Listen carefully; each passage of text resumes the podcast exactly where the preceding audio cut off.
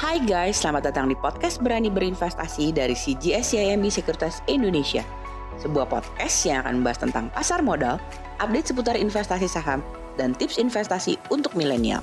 Buat kamu semua yang penasaran, stay tune terus ya di podcast Berani Berinvestasi dari CGS CIMB Sekuritas Indonesia. Halo guys, kembali lagi nih di podcast Berani Berinvestasi bersama CGS CIMB Sekuritas Indonesia. Kali ini saya Kevin Uta Barat dan Fanny Suherman selaku Retail Research Analyst dari CGS CIMB Sekuritas Indonesia akan mengomongin tentang Januari IHSG eh, flat, tapi asing masih mencetakkan net buy sebesar 7,24 triliun rupiah. Nah, gimana strategi kita di bulan Februari ini? Nah, sebelum itu kami mengucapkan Happy Chinese New Year untuk teman-teman yang merayakan dan juga Happy Chinese New Year juga nih untuk partner kami yaitu Fanny. Hai Van. Halo Kev, thank you, thank you untuk ucapannya nih. Dan juga uh, Happy Chinese New Year untuk teman-teman semua walaupun lewatnya udah rada lama ya, nggak apa-apa ya. Nah, tapi uh, masih berkaitan dengan tahun baru Imlek nih, kita juga ada promo yang menarik ya teman-teman, yaitu yang namanya Tiger Festival, di mana teman-teman semua nih berkesempatan untuk mendapatkan satu angpau secara gratis ya dari tujuh angpau. Nanti teman-teman bisa pilih kalau apa? Kalau membuka rekening secara online di CGS CMB Sekuritas Indonesia ya. Tapi ini waktunya juga terbatas nih teman-teman. Jadi cuma sampai tanggal 31 Maret aja gitu ya. Nah hadiah angpaunya apa ini menarik banget ya Kev. Jadi hadiah angpaunya itu adalah voucher investasi sampai dengan 2 juta rupiah gitu. Nah untuk uh, syarat dan ketentuannya gimana bisa langsung lihat di website kita maupun di uh, sosial media kita lewat Instagram CGSMB Sekuritas Indonesia. Nah Kayak gitu Kev, jadi mantep ya promonya ya. ya, tentunya mantep dong Van dan kita lihat kalau buka rekening bisa dapat ampau 2 juta nih kan jarang-jarang juga gitu ya.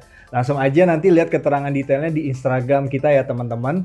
Nah, Van kita lanjut aja untuk bahas nih karena kita tahu bahwa ini kan udah awal bulan Februari nih. Pastinya kita mau bahas gimana nih strategi teman-teman untuk di bulan ini nih Van. Oke, nah jadi kita harus lihat dulu nih ya uh, untuk bahas Februari ini pergerakan secara di bulan Januari ini kayak gimana sih gitu. Nah kalau kita lihat nih pergerakan selama bulan Januari 2021 memang IHSG-nya ini cenderung bergerak flat ya teman-teman ya.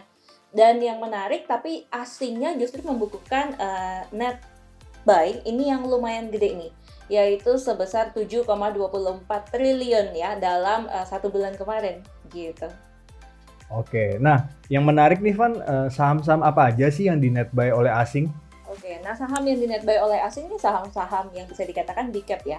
Karena contohnya aja yang pertama ada BBCA itu sebesar 2,1 triliun, terus ada Arto sebesar 1,2 triliun, kemudian ada Telkom ini 1,1 triliun, terus ada BBNI 864 miliar, Kemudian ada EMTK, ini 608 miliar. Kemudian ada Adaro, ini 588 miliar rupiah. Kemudian ada Mandiri, ini sebesar 520 miliar rupiah. Uh, dan yang terakhir adalah BBRI-nya di 281 miliar uh, rupiah. Dan uh, kalau yang menarik nih kita lihat ibaratnya memang asing kan beli saham-sahamnya itu yang big caps gitu ya. Jadi kalau dilihat nih porsi LQ45 terhadap IHSG-nya itu lebih outperform nih dibandingkan di uh, bulan Desember lalu kan lebih underperform ya untuk LQ45 ke IHSG-nya gitu.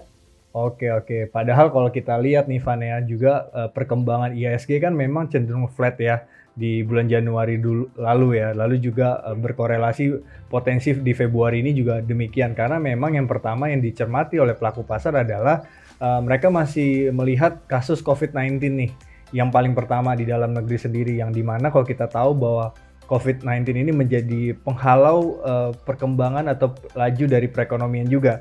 Lalu juga di sisi lain juga teman-teman atau pelaku pasar yang lain dari regional maupun di dalam negeri ini juga masih mencermati uh, kebijakan dari kenaikan nanti suku bunga ya, khususnya di The Fed gitu ya, yang kalau kita tahu bahwa ini juga uh, terlihat bahwa inflasi di Amerika Serikat juga uh, cenderung tinggi, makanya hal kebijakan inilah yang memberikan uh, supaya uh, The Fed juga uh, mengeluarkan suku bunganya uh, naik berapa kali dan sebagainya ini masih ditunggu oleh pelaku pasar.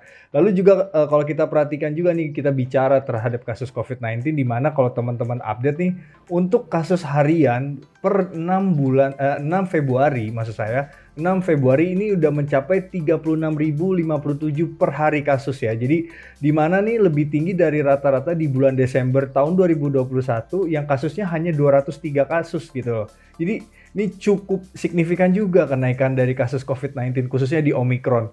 Dan BOR yang di Jakarta ini atau bed occupancy rate-nya tuh akhirnya mencapai uh, kenaikan 52% nih di bulan Januari nih Van. Dibandingkan awal Januari hanya 6% saja. Seperti ini juga uh, yang akhirnya membuat pemerintah menerapkan ya PPKM Jabodetabek jadi PPKM yang ketiga ya, yang sebelumnya PPKM level 2. Nah, teman-teman uh, juga nih Van pasti pengen tahu ya, resiko apa aja sih yang harus kita lihat sekarang ini terlepas dari potensi efek ke GDP growth karena pembatasan yang lebih ketat nih Van, seperti itu. Oke, jadi benar banget nih yang tadi udah Kevin bahas ya. Nah kalau ditanya uh, apa aja sih yang harus selanjutnya kita juga perhatikan dan pastinya bukan cuma uh, sekedar ppkm-nya aja gitu ya, tapi uh, kalau dilihat uh, memang market itu kan belakangan juga bergeraknya uh, lumayan agak volatile juga gitu ya. Uh, cuma kalau kita lihat ini nih nggak mempengaruhi kenaikan dari bond yield dan juga rupiahnya juga relatif stabil kalau teman-teman lihat ya. Dan juga kalau dilihat nih uh, eh, 10 years government bond yield Indonesia itu naiknya uh, eh, 3 bips aja nih ke 6,4 persen year to date gitu ya dibandingkan dengan USD 10 years itu naiknya 28 bips uh, menjadi 1,8 persen year to date gitu. Nah oleh karena itu kalau kita lihat nih spread antara uh, Indonesia dengan USD bonds yields ini turun nih dari 4,9 persen pada akhir 2021 ini ke 4,7 persen Nah, dibandingkan dengan long term average itu sekitar 5,1 persen gitu ya. Terus kalau kita lihat dari segi rupiah, nah rupiahnya ini juga uh, relatif uh, stabil kalau kita lihat ya, karena cuma terkoreksinya itu sekitar 0,5 persen aja nih year to date gitu ya, ke level sekitar 14.338. Nah, kemudian yang kedua nih, kalau kita lihat uh, nggak jauh dari Bank Indonesia gitu pastinya ya karena uh, kelihatannya di Bank Indonesia juga ahead of the curve gitu. Di mana gimana caranya itu adalah bukan dengan menaikkan uh, suku bunganya secara langsung ya tapi dengan pelan-pelan menaikkan uh, GWM nih atau giro wajib minimum ya. Nah di mana GWM-nya untuk bank konvensional itu naik uh, 3% dan nanti untuk bank syariah itu akan naik satu setengah persen dan ini akan dimulai pada bulan Maret 2022 Nah, ibaratnya uh, walaupun GWM-nya naik ya, tapi sebenarnya efek ke NIM-nya sendiri ini akan kecil. Jadi prediksi kita itu paling hanya berkisar uh, eh, 3 sampai dengan 10 bips aja ya efeknya ke NIM perbankan. Nah, cuma uh, dari prediksi kami sendiri memang ibaratnya kenaikan GWM ini bisa mempengaruhi likuiditas gitu ya.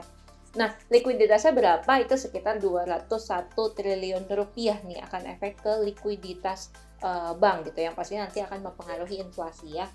Dan kemudian yang ketiga nih, bicara tentang inflasi. Nah, jadi kalau kita lihat uh, inflasi ini dipengaruhi oleh apa aja sih gitu ya. Pertama, kalau misalkan ada kenaikan eh, BBM, BBM subsidi ya. Karena kalau kita lihat nih uh, antara harga BBM subsidi dengan harga ibaratnya market price-nya itu udah lumayan jauh nih gapnya gitu ya. Karena seperti yang kita tahu harga oilnya kan juga naik terus nih gitu ya. Nah ibaratnya uh, kalau misalkan perhitungan ekonom kami, setiap ada kenaikan 10% di uh, eh, BBM subsidi, ini bisa memberikan efek langsung nih ke kenaikan inflasi itu sekitar 0,39 persen points gitu ya. Dan efek tidak langsungnya itu sekitar 0,5 sampai dengan 1,5 persen points.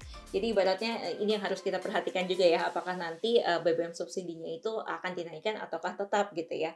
Nah, cuma ibaratnya dengan memang pemerintah juga tetap menjaga harga barang-barang tetap stabil ya. Moga-moga uh, inflasi itu akan uh, tetap terjaga dan ekspektasi dari uh, kita sendiri itu akan berada di range sekitar 2 sampai dengan 4% nih untuk inflasinya kayak gitu kan. Oke, Van. Nah, yang menjadi pertanyaan kita adalah kita kan juga uh, apa melihat ya bahwa suku bunga Indonesia khususnya uh, suku Bank Indonesia ini juga akan mulai menaikkan suku bunganya yaitu diperkirakan dua kali sesuai prediksi dari CGS CMB Sekuritas Indonesia. Nah pertanyaannya kira-kira apa nih efek dari kenaikan yang dipotensikan terjadi di tahun ini dua kali, Van? Oke, okay, thank you. Nah, kalau misalkan berdasarkan historical nih ya, ketika ada kenaikan suku bunga, itu ada di tahun 2008, terus 2013, dan juga di tahun 2018 ya.